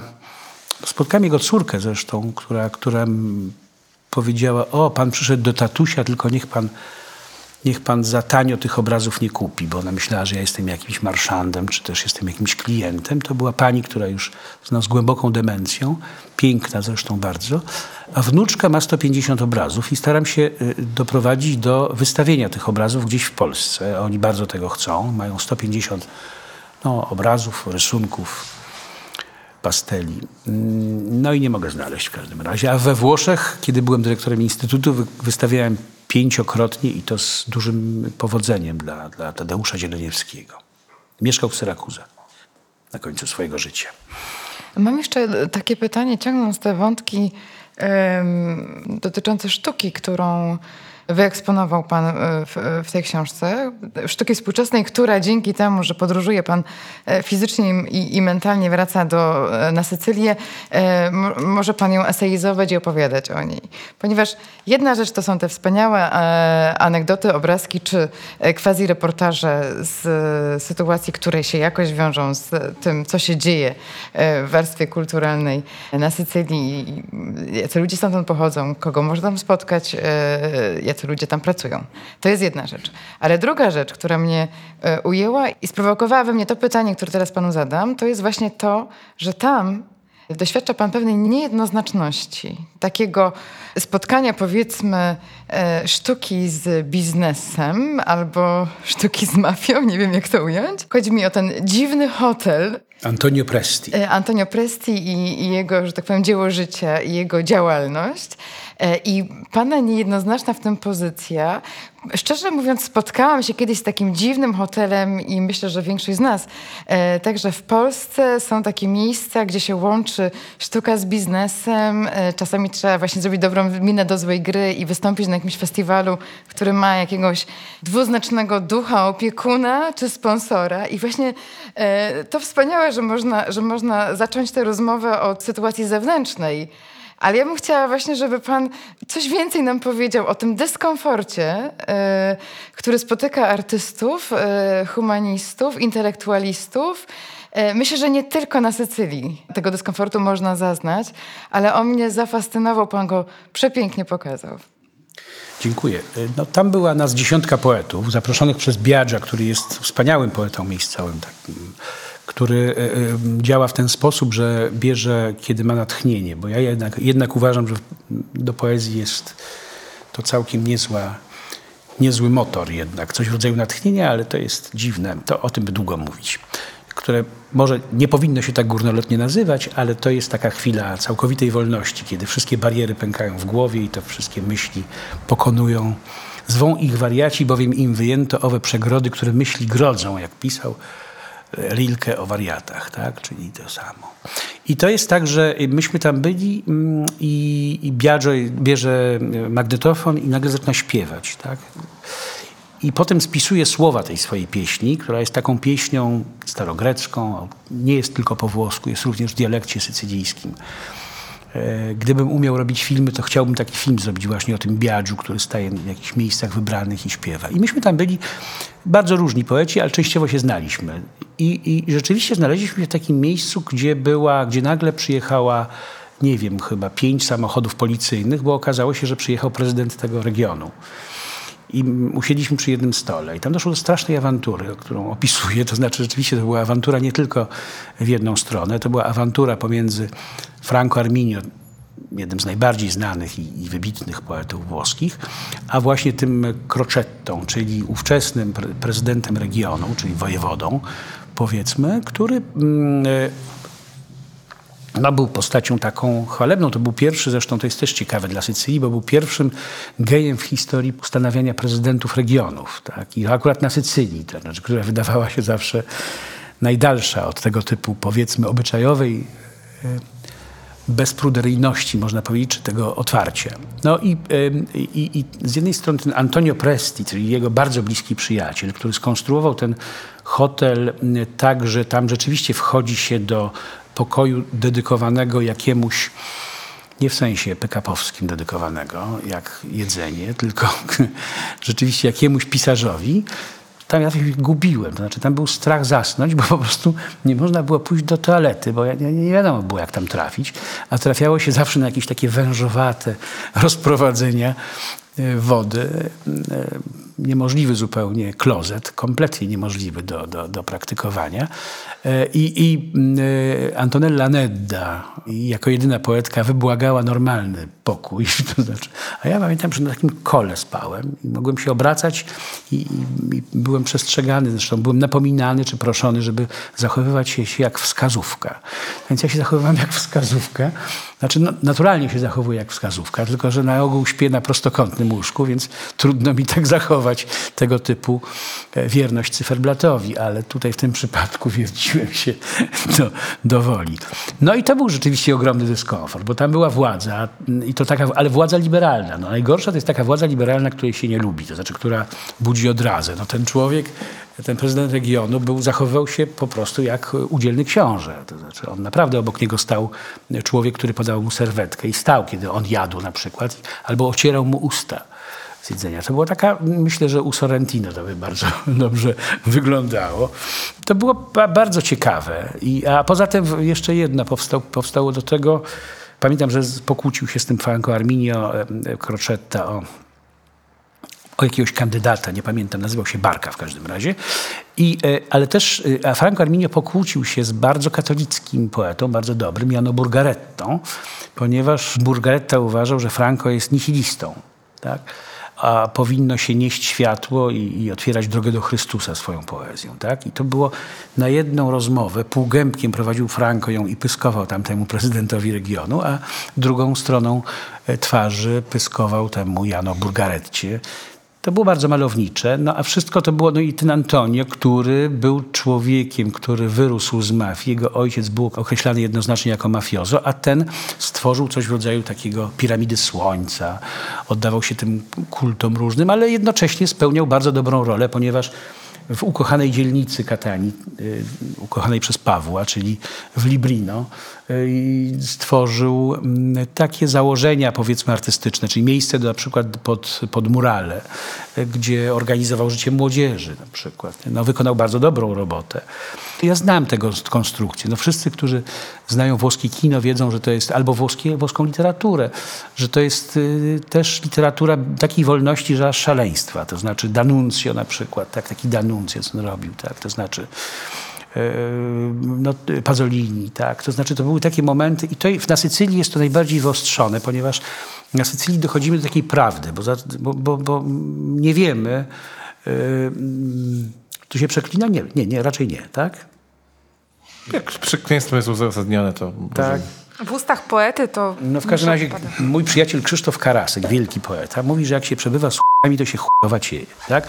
Więc my na co dzień właśnie mamy do czynienia z taką sytuacją. A jak pojedziemy na Sycylię, to widzimy, uzmysławiamy sobie, że my nie rozumujemy na jednym tylko poziomie, czyli takim poziomie dyskursywnym, tylko przeżywamy, cały czas żyjemy na, gdzieś na skrzyżowaniu zmysłów i intelektu po prostu. I to wejście w to i życie cały czas na tym skrzyżowaniu to jest bardzo sycylijskie.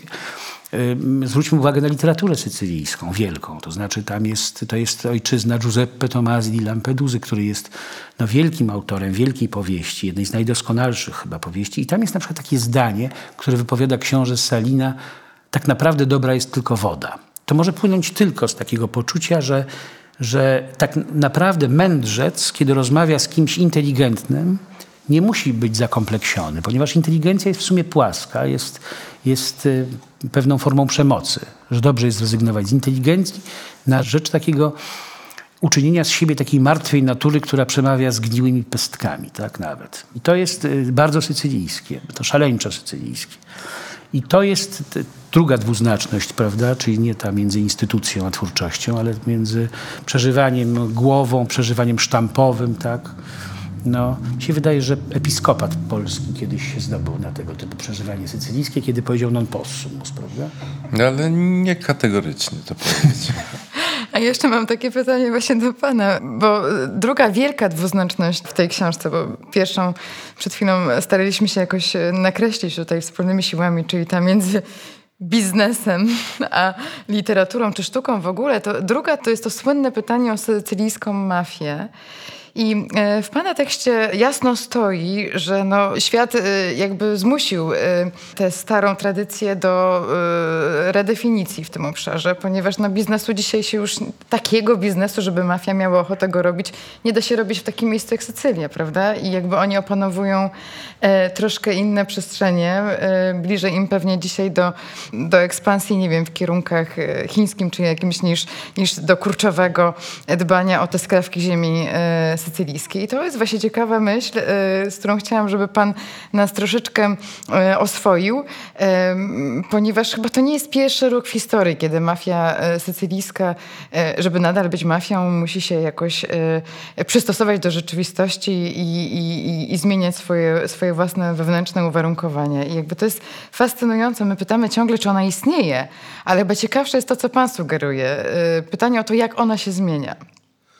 No to jest y, też szalenie ciekawa rzecz, przy czym ja nie sądzę, że, że mafia y, przystosowuje się do rzeczywistości, tylko ona ją kreuje po prostu. No, oczywiście, że jeżeli chcemy zarabiać prawdziwe pieniądze, to nie będziemy ich zarabiać na tych wątłych poletkach sycylijskich, prawda? Tylko tutaj trzeba jakby do tej, do tej maszynerii cały świat włączyć. Także mafia rzeczywiście się wyprowadziła niejako z Sycylii i wszystko jedno, czy jest teraz w Rzymie, czy w Mediolanie, czy mm, ma pod sobą Europę, czy cały świat. Tak po prostu jest. Niemniej z drugiej strony, i to też jest podejrzewam ciekawe, y, te takie y, mechanizmy awansu na przykład, myślę, że są cały czas takie same. Mianowicie, jeżeli ktoś się spisuje dobrze, zbierając y, na parkingach po jednym euro od każdego parkującego samochodu, prawda? I to potem gdzieś idzie, idzie wyżej, i potem jeszcze wyżej, i potem jeszcze wyżej, no to istnieje duża szansa, że z takiego, nie wiem, nastoletniego, młodszego nastoletniego chuligana yy, nagle stanie się dealerem też na skalę powiedzmy trzech czy czterech ulic, a potem będzie, będzie awansował i będzie awansował i będzie awansował i ten t-shirt y, zamieni na jedwabny garnitur. A dlaczego nie? No to jest, to jest wszystko możliwe. Ja myślę, że, że istnieje coś takiego jak międzynarodówka y, tutaj. No, nie, ma, nie ma chyba najmniejszego zdziwienia w tym mianowicie, że na Sycylii bardzo duże pieniądze, bardzo duże interesy robią Chińczycy. A wielu Sycylijczyków to tłumaczy w ten sposób, że to nie jest tylko ekspansja taka y, jak, jak w innych krajach na świecie, ale to jest wyraźne braterstwo, tak? Znaczy chiński biznes jest y, jakoś tam ufundowany na triadach, prawda? Czyli niczym innym, tylko na tamtejszej mafii. Y, sycylijski biznes podobnie. Więc jak oni siadają naprzeciwko siebie, zaczynają rozmawiać, to oni się fantastycznie rozumieją. Genialnie się rozumieją rzeczywiście. Mają niemalże takie same historie, prawda? Różnica między nimi polega na tym, że jedni jedzą pałęczkami, a drudzy nożem i widelcem. Natomiast cała, cała reszta jest no, niejako bliźniacza.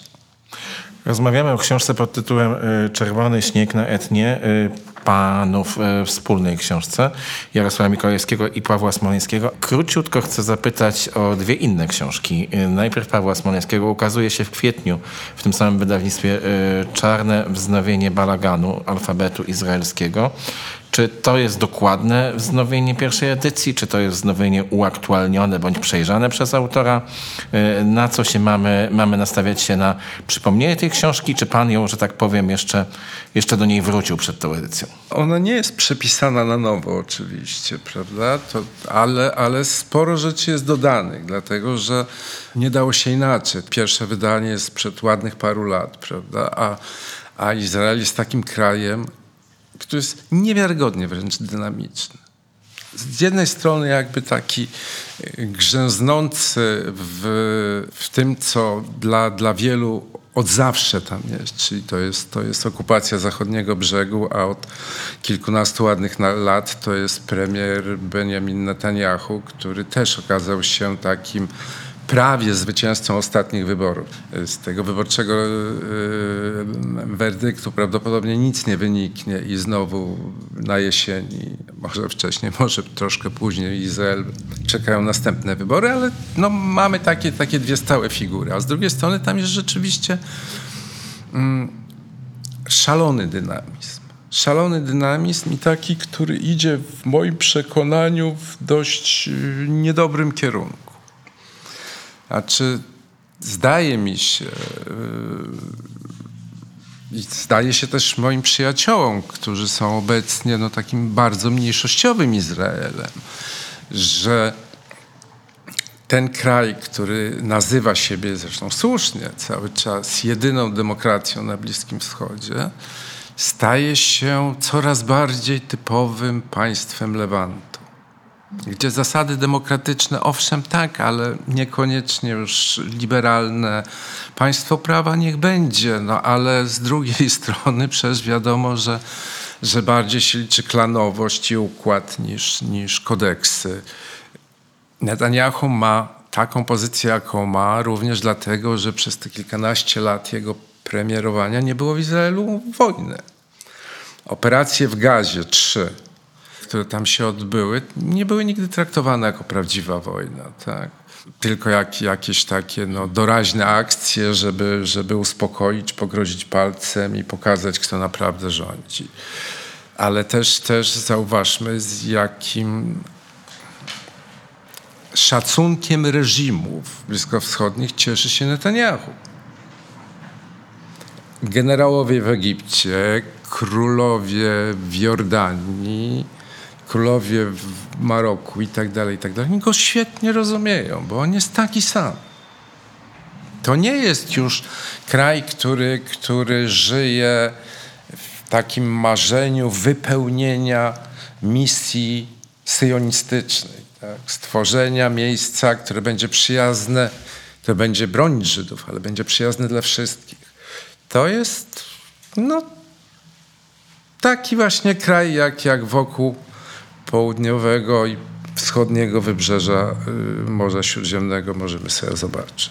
Balagan zatem w kwietniu y, w nowym wydaniu, nowym nie tylko jako wznowienie, ale także jako rzecz po części no bardzo mocno przez autora przejrzana, a y, Godzina Myśli to tom poetycki Osła Mikołajewskiego, y, wiersze czasu epidemii. Kiedy czytałem ten tom y, z ogromnym jakimś zaangażowaniem emocjonalnym, za co panu serdecznie dziękuję, y, miałem wrażenie, że pan poprzez wiersze, których jest dużo, y, tak przynajmniej w wersji elektronicznej, y, takie odniosłem wrażenie, postanowił pan zrobić coś w rodzaju poetyckiego dziennika czasu epidemii czy poetyckiego zapisu, pamiętnika czasu epidemii. Można to było robić w formie prozatorskiej. Pan postanowił dokumentować ten czas y, poprzez poezję. Czy y, zgadza się pan z tego rodzaju odczytaniem? Tak, tak, dziękuję za to, za tę intuicję, bo to, to jest tak, że ja, to są wiersze o czasie epidemii, to znaczy o tym, e, o, o tej chwili, kiedy ja tam, to nie są obrazki z epidemii, aczkolwiek tam się znajdują również wiersze z różnymi obrazami epidemii albo ze snami, które się rodzą w czasie epidemii, ale to są wiersze napisane w tym czasie. Chciałem zobaczyć, czy ta epidemia mnie zmienia czy ten stan epidemii jakoś powoduje, że ja to inaczej wszystko widzę, bo to jest jednak był inny czas i to cały czas jest inny czas, ale zwłaszcza miałem na uwadze ten pierwszy czas epidemii, który był dla mnie wyjątkowo ważny. Ten od marca zeszłego roku powiedzmy do maja. Tak? To był taki czas, e, gdzie e, ja nawet bardzo jestem, bardzo mi źle, że myślę o tym jako o czasie szczęśliwym dla mnie. To znaczy ja pisałem o tym, że mam bardzo wiele współczucia i, i, naprawdę bardzo mnie, bardzo cierpiałem wręcz, o czym napisałem kiedyś taki duży szkic do Gazety Wyborczej o rozmowach moich z przyjaciółmi włoskimi tak, w czasie epidemii, kiedy to się działo co najgorsze, zwłaszcza na północy, w Lombardii, w okolicach Bergamo czy Bresci. Ale ja byłem jakoś szczęśliwy, muszę powiedzieć. Znaczy ja po raz pierwszy od jakiegoś dłuższego czasu nigdzie nie pędziłem, ten czas mi się zatrzymał. To był taki moment kiedy ja nazwałem w sobie pewne rzeczy, przestałem się wstydzić pewnych rzeczy. Na przykład, że ja czasami nie jestem w stanie się ruszyć z, z krzesła po prostu, że czasami nie mogę wziąć szklanki wody, bo nagle zaobserwowałem swoje stany, które wydały mi się teraz w całej swojej godności skonfrontowane tylko ze mną samym bo zawsze konfrontowałem je z innymi. To znaczy, że inni robią coś innego, że inni się krzątają. A ja się nie musiałem krzątać. Jeszcze jak na urodziny, które mam 20 marca, dostałem... E, Wszystkiego najlepszego. Dziękuję Spóźnione bardzo. życzenia w takim razie. Spóźnione, ale nie mniej serdeczne. Jak prawda? najbardziej. Podobno jest- nie można życzyć przed, y, przed urodzinami, natomiast po jest to dozwolone. Tak mi ostatnio wytłumaczył ktoś. Ale zawsze jest przecież przed jakimiś urodzinami. Przed jakimiś, tak. Natomiast dostałem 222 płyty Bacha. Takie wielkie pudło, bo wszyscy znają moją, w, rodzi, w rodzinie, moją miłość do Bacha, którego widzę jako takiego zdesperowanego chłopca zamkniętego w jakimś ciemnym pokoju, który po prostu ćwiczy i ćwiczy i ćwiczy i ćwiczy i, i robi rzeczy piękne i hoduje kwiaty na własnym poletku wewnętrznym, nikomu innemu niedostępnym. I po prostu byłem szczęśliwy. To jest dziwne. Ale też no, i są tam wiersze, jest tam pierwsza godzina yy, myśli, a, a potem jest druga. I ta pierwsza jest jakoś, poddaje się obserwacji, a ten drugi Pierwsza czas... posiada didaskalia. Tak, tak. Ona opisuje sytuacje, w których te wiersze powstały, czy jakieś preteksty, powiedzmy. Natomiast w drugiej nagle wszystko się miesza, bo teraz to jest taki czas, że ja nie wiem, co jest polityką, co jest epidemią teraz na przykład. Tak? Jest, jakaś, jest jakiś wielki, czarny, wielka czerń. Jest to samo mniej więcej, nie, nie da się lepiej opisać. Ja myślę, że teraz dopiero zrozumiemy lata 80 ten czas e, stanu wojennego, który nigdy nie zostały dobrze opisane. A to był czas zerwanych e, stosunków. To był czas, że nie było się do kogo odezwać, nie było jak się odezwać, poza nieliczną grupą szczęśliwców, którzy walczyli wtedy, jak Paweł. Ale niektórzy nie mogli, bo nawet nie znali po prostu, nie wiedzieli przez kogo to się robi, tak? tylko zachowywali taką wewnętrzną postawę. To jest podobny jakoś czas. To jest czas takiej wielkiej, wielkiej czarnej dziury, jakiegoś bagna koszmarnego, gdzie naprawdę nie jesteśmy w stanie rozróżnić pretekstu, historii. Musimy Musimy powoli kończyć naszą rozmowę. Chcę jeszcze tylko Dobrze, powiedzieć powoli. o jednej, o jednej jeszcze się wbić tylko na dwa słowa dos, e, dosłownie, e, bo wydaje mi się, że nie powiedzieliśmy jeszcze o jednej rzeczy, to może tytułem tylko puenty o książce mm, Jarosława Mikołajskiego i Pawła Smolińskiego Czerwony śnieg na etnie, mianowicie o tym, że jest to książka e, również, o ile nie przede wszystkim o przyszłości Europy, co chyba najdonośniej wybrzmiewa w ustach 90-letniego e, Camilleri,ego, no a tą przyszłością ponad wszelką wątpliwość będzie mm, Afryka i e, refleksji na ten temat w tej e, e, bądź eseistycznej przede wszystkim książce jest sporo. Panowie kiwają głową. Ja chcę tylko powiedzieć jeszcze jedno, że a propos różnych aktywności, które przyniósł w ostatnim, ostatni czas, chociaż być może to plon y, teraz przed, aktywność była wcześniej, nadrobię, jak tylko będzie to możliwe, ponieważ lockdown mi to uniemożliwił, y, przedstawienie pod tytułem Aleja Zasłużonych. To jest y, kolejne dzieło Jarosława Mikołajskiego, które ujrzało tym razem światło sceny, czy też deski sceny poczuło. W Teatrze Polonia Krystyna Janda w nowej roli, w sztuce, na którą wiem, bo sam z nią o tym rozmawiałem, bardzo czekała, którą chyba z tego, co zdążyłem zorientować się z opowieści znajomych, troszkę przerobiła na swoje. Y, A czy ważny głos, jak dla mnie, o umieraniu, y, takim metodycznym wyżynaniu polskiej inteligencji, y, które, z którym mamy, że tak powiem, do czynienia od wielu, wielu lat, a które nasila się w ostatnim czasie, czemu próbujemy się, myślę, wszyscy jakoś y, razem przeciwstawić. Jarosław Mikołajewski, bardzo serdecznie dziękujemy za to spotkanie. Paweł Smoleński, serdeczne dzięki. Rozmawialiśmy przede wszystkim o książce Czerwony śnieg na etnie, ale mając też y, z tyłu głowy wznowienie wiersze y, epidemiczne, że tak się wyrażę, Jarosława Mikołajewskiego i teraz sztukę pod tytułem Aleja Zasłużonych. Pozostajemy wciąż z Państwem. Magda powiedziała na początku, że warto słuchać artystów. Paweł Smoleński i Jarosław Mikołajski moim zdaniem bardzo wyraźnie nam to przed chwilą udowodnili, że warto y, i trzeba wręcz słuchać artystów. Bardzo Panom za, te, za to dziękujemy. Proszę nie mówić o mnie artystą. On się Bo obraża. ja się wstydzę i I obrażam. dziennikarzy. Ale I, on- i on jest- dziennikarzy oraz reporterów. y, Ludzi warto słuchać przede wszystkim. Tak, ludzi warto słuchać dokładnie. Y, Pozostajemy z Państwem. Y, Ola Salwa. Uśmiechnijmy się może też czasem. Ja tylko chciałam powiedzieć tak optymistycznie, że m, panów książka to też taka opowieść o bardzo zm- zmysłowej części Sycylii i mam nadzieję, że się też dowiecie państwo, co, co na przykład warto pić, czytając tą książkę. Przede wszystkim dobre wino, do- doświadczyłem na. Sycylii. Dokładnie. Ale tylko Karolina schłodzone. Felberg, Dziękuję. Mieliśmy dobre źródło. Magda Sendecka, Dziękuję bardzo. Szymon Kloska, dziękujemy Ci, pozdrawiamy Kraków, Adam Supranowicz, wielkie dzięki. Dziękuję, dziękuję i planuję podróż na Sycylię w najbliższym możliwym momencie. Polecam, y, również, bo akurat mnie się udało taką podróż w pewnym momencie y, przeżyć. Proszę Państwa, pozostajemy, jak powiedziałem, z Państwem, pozostajemy w Centrum Kultury Filmowej imienia Andrzeja Wajdy, które nas gości y, i w którym Nowy Tygodnik Kulturalny znalazł swój dom. Y, Zachęcamy do wspierania nas y, na Patronite i do tego, żeby y, słuchać ludzi, jak powiedział Paweł Smoleński. Jacek Wakar, bardzo dziękuję za to spotkanie. Do zobaczenia. Dużo zdrowia. Dziękujemy bardzo.